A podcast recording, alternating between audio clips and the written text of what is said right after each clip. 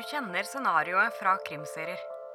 Menn og kvinner i hvite overtrekksdresser beveger seg forsiktig rundt på åstedet.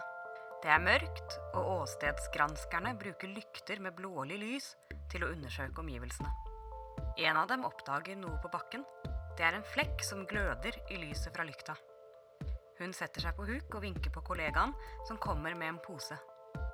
Varsomt skraper hun noe oppi posen og forsegler og merker den. Etterforskerne har sikret seg et biologisk spor. Kanskje kan det lede til forbryteren? Det kan ha foregått sånn da canadisk politi etterforsket en grov voldtekt i 2015. På åstedet fant de biologiske spor, bl.a. sæd. Fra den fikk de gjerningsmannens DNA-profil. Så sammenlignet de DNA-profilen med registeret over straffedømte, og fant ut at sæden fra åstedet matchet DNA-profilen i blodprøven til en mann. Problemet var bare at han umulig kunne være skyldig i voldtekten. Han satt nemlig i fengsel da forbrytelsen fant sted.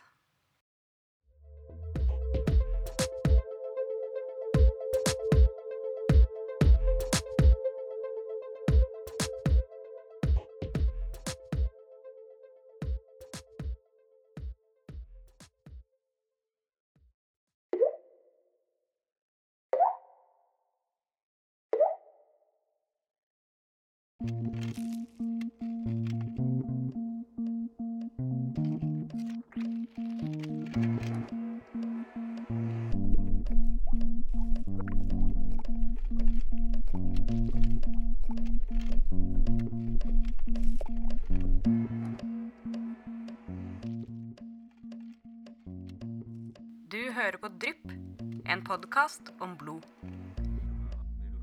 Jeg heter Ingebjørg Bergholm. Jeg er kriminalforfatter og synes at blod er spennende. Denne første episoden av podkastserien har jeg kalt 'Det ligger i blodet'. Til slutt skal dere få løsningen på kriminalmysteriet jeg innleda med. Men som kriminalforfattere flest har jeg tenkt å gjøre veien fram dit kronglete og full av avstikkere. Til gjengjeld har jeg lagt ut gåtefulle ledetråder og lover at det skal bli spennende.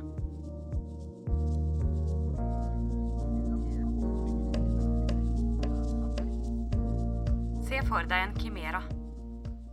Det er et flerhodet gresk fabeldyr satt sammen av en løve, en geit og en slange.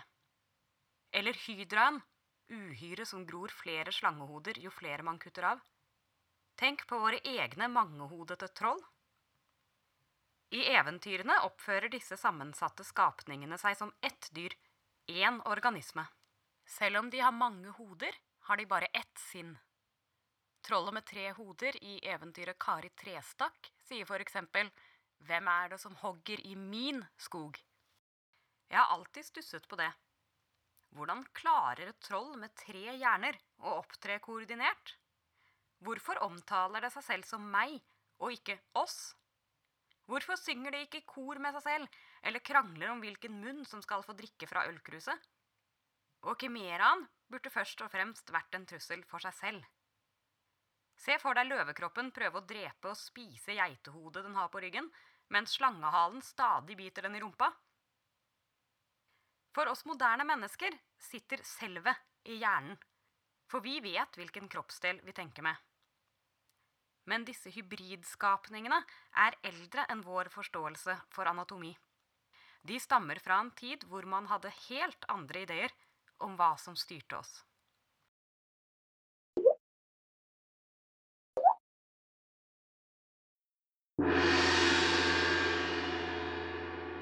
Der fikk du den første ledetråden kimeraen. Hvis man er en nysgjerrig vitenskapsmann i eldgamle dager og lurer på hvor intellektet, eller sjelen, sitter, hva gjør man da?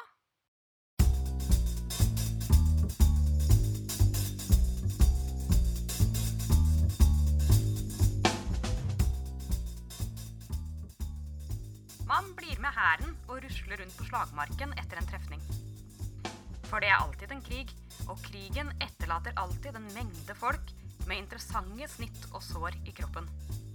Og det som er lett å observere, er at livet i en mann svinner mens blodet renner ut av ham. Ergo er det lett å slutte at sjelen sitter i blodet. Uten sjel ikke noe liv. Uten blod så dør man. Logisk, ikke sant? Og når den nysgjerrige forsker i eldgamle dager kommer hjem igjen, vil han kanskje gjøre noen eksperimenter. Hva skjer egentlig med blod når det ikke er i kroppen lenger? Det som skjer hvis du tapper blod i en kopp og lar det stå en stund, er at blodvæsken skiller seg i fire lag. På bunnen former det seg et lag av levret blod. Over det et lag av røde blodceller. Over det igjen flyter de hvite blodcellene, og øverst et lag klargult serum. Kanskje var det dette eksperimentet som ga opphav til den medisinske teorien humoralpatologi. Humoralpatologien var stort sett rådende i medisinen i 2000 år, fra antikken til midten av 1800-tallet. Humoralpatologi går ut på at mennesket styres av fire kroppsvæsker. Svart galle, blod, slim og gul galle. Disse grunnvæskene mente man at så omtrent ut som lagene i en kopp med blod som skiller seg. Kroppsvæskene var knyttet til de fire temperamentene, og man mente at de påvirket sinnet på ulike måter. Ordet temperament stammer fra latin og betyr riktig blanding. Man trodde at en ubalanse mellom kroppsvæskene førte til både psykiske og fysiske sykdommer. Rant det for mye slim i årene dine, f.eks., kunne du bli likegyldig og apatisk. Da ville en god doktor ha gitt deg deilig blodrød vin, for vin var linket til blod, som var slimets motsats. Men om du var en vimsete fyllik, og altså led av for mye blod, var årelating riktig behandling. Årelating var forresten ansett som korrekt behandling for det meste før i tida. Men det kommer vi tilbake til i en annen episode.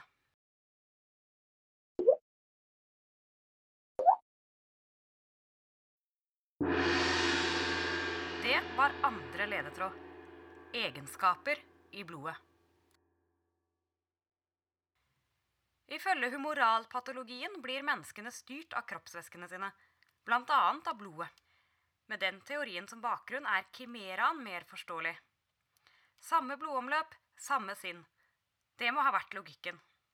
Og med humoralpatologiens teorier om egenskapene som ligger i blodet, så er det ikke rart at vitenskapsmennene fikk en idé. Hva om man kan overføre til en pasient de egenskapene han mangler? Styrke til en som er svak, f.eks.?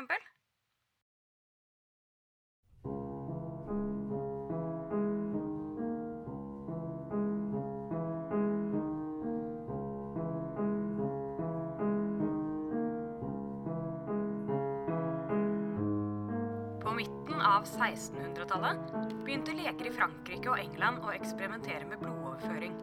Først mellom dyr. På den tida hadde man ennå ikke helt forstått hva blodet gjør i kroppen, men man visste jo at det var viktig. Eksperimenter med dyr viste at om man tappet blodet ut av en hund, så ble den ganske riktig døden nær. Men når man førte blodet fra en annen hund inn i årene på den, da kviknet den til. Flere leger forsøkte så å benytte teknikken på mennesker. Mennesker som viste tegn på blodmangel, ville vel ha godt av å få litt friskt blod fra en sterk oksekalv i årene. Og om man led av et ustyrlig temperament, da ville det sikkert hjelpe med en overføring av blodet fra et spakt lite lam. Dessverre, og til legenes store overraskelse, døde pasientene. Praksisen ble etter hvert forbudt. Fra begynnelsen av 1800-tallet forsøkte man blodoverføring fra menneske til menneske. Noen ganger gikk det skikkelig bra, og pasienter overlevde blodtap og sykdommer som ellers ville ha drept dem. Men andre ganger døde de kort tid etter overføringen. Dette skjønte ikke legene noe av før i 1901, da østerrikeren Carl Landsteiner oppdaget at ikke alt blod er likt. Hvis man blander to typer blod som ikke passer sammen, aktiveres immunsystemet hos mottakeren, og blodet klumper seg. Landsteiner beskrev tre hovedtyper av blod, som han kalte A, B og 0, og la dermed grunnlaget for trygge blodoverføringer. Det gjelder bare å finne blodtyper som passer sammen.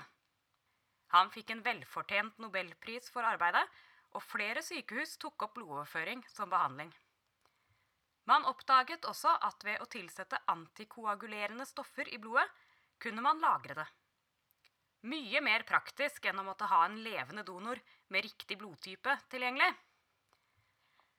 Disse oppdagelsene kom akkurat i tide til et av historiens største blodbad første verdenskrig.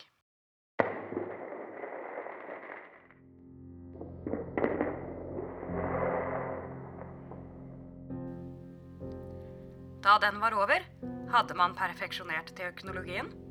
Røde Kors hadde etablert blodbanker, og moderne medisin hadde tatt et sjumilssteg framover. Og fra fronten vendte unge menn hjem.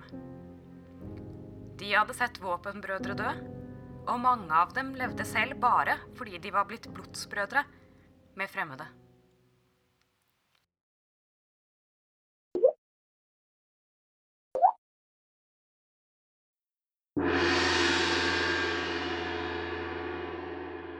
Tredje ledetråd blodtransplantasjon. Det er mange myter knyttet til blodblanding. Kriger i vikingtida og smågutter til alle tider har blitt blodsbrødre ved å kutte seg opp og legge sårflatene mot hverandre. Blod binder sammen. Gir du noen ditt blod, gir du dem en del av deg selv. Men myter er ikke sannhet, og humoralpatologien er helt på jordet. De siamesiske tvillingene Brittany og Abigail Lee Hensel viser det tydelig. Jentenes kropper er svært sammensveiset.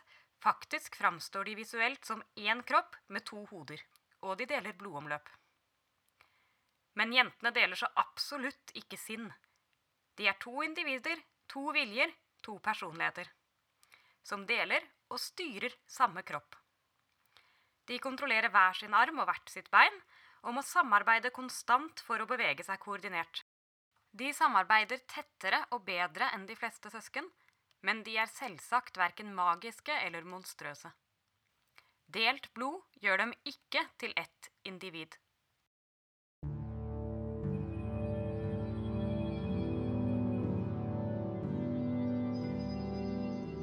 Sammenvokste tvillinger er eneggede tvillinger. Ett befruktet egg deler seg i to like etter befruktningen og blir til to barn. Disse barna har så godt som likt DNA. Noen ganger deler ikke egget seg fullstendig, og da kan tvillingene bli sammenvokst i større eller mindre grad. Men det motsatte kan også skje. To forskjellige befruktede egg, altså toeggede tvillinger, kan smelte sammen. Og slik kan én person ha to forskjellige sett med DNA i kroppen. Forskjellige deler av kroppen kan ha ulikt DNA. Et berømt eksempel er Lydia Fairchild, som i 2002 ble anklaget for å ha kidnappet sine egne barn da DNA-tester viste at hun ikke kunne være moren. Hun var da gravid med sitt tredje barn, og da hun fødte, viste DNA-testene at hun heller ikke kunne være mor til den ungen.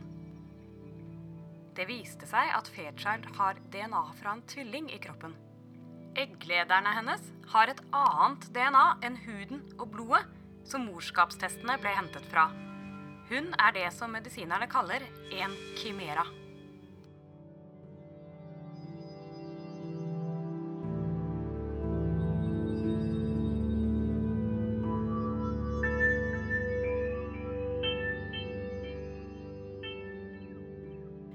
Og nå nærmer vi oss løsningen på mysteriet som denne episoden begynte med.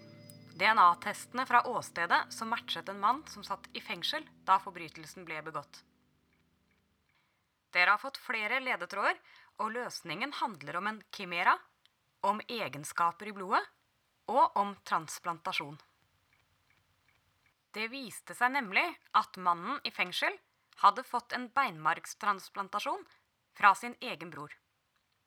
En slik transplantasjon foregår ved at man først dreper mottakerens egen beinmarg, og så erstatter den med beinmarg fra en donor. Beinmarg er blodstamceller, og det er disse som lager blodet til kroppen. Så etter transplantasjonen vil man få blod med donorens DNA, og ikke sitt eget. Man blir en kimera. Og dermed løste man saken. Nærmere testing av mannen i fengsel viste at det bare var blodet hans som matchet DNA-et fra åstedet. Tester fra resten av kroppen hans hadde annerledes DNA. Donoren hans, broren, matchet fullstendig, og han ble pågrepet. Case closed.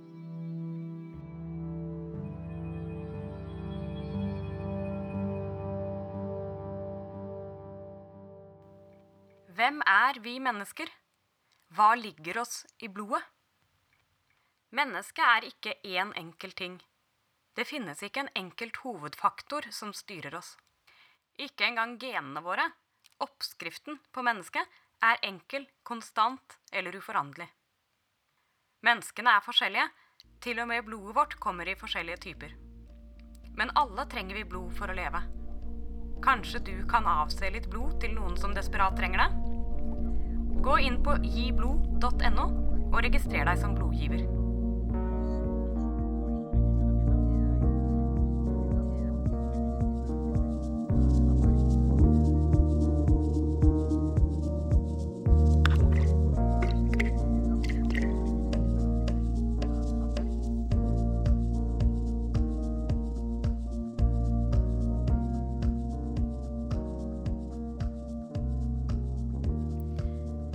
Vi nærmer oss slutten av denne episoden av Drypp. Men før jeg avslutter, har jeg som vanlig en oppfordring. Podkastene er gratis for deg å lytte til, men de koster mye for meg som lager dem.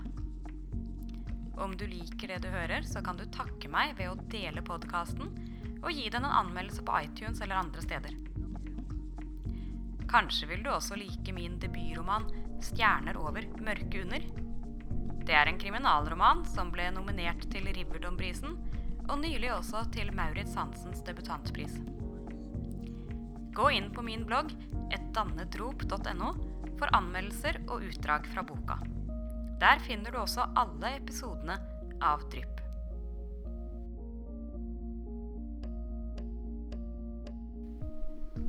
Jeg vil forsøke å avslutte hver episode med et litterært innslag. I denne episoden synes jeg det passer godt med et utdrag fra T.S. Eliots fire kvartetter. Eliot skrev disse diktene med første verdenskrig som bakteppe, og gjørmen, piggtråden og blodet i diktet kan høre til i et bilde fra slagmarken. Krimelskere vil kanskje gjenkjenne frasen som på engelsk lyder 'Wire in the Blood', fra TV-serien bygget på Val McDermids bøker. Jeg siterer fra en gjendiktning av Paul Brekke.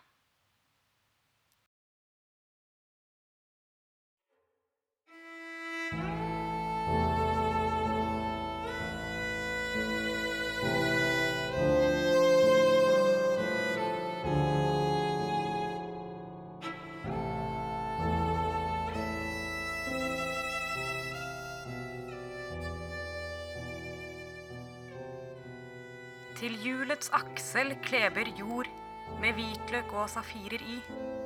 Fra blodets streng bak sår som gror, klinger i forsoningstrang, glemte krigers litani.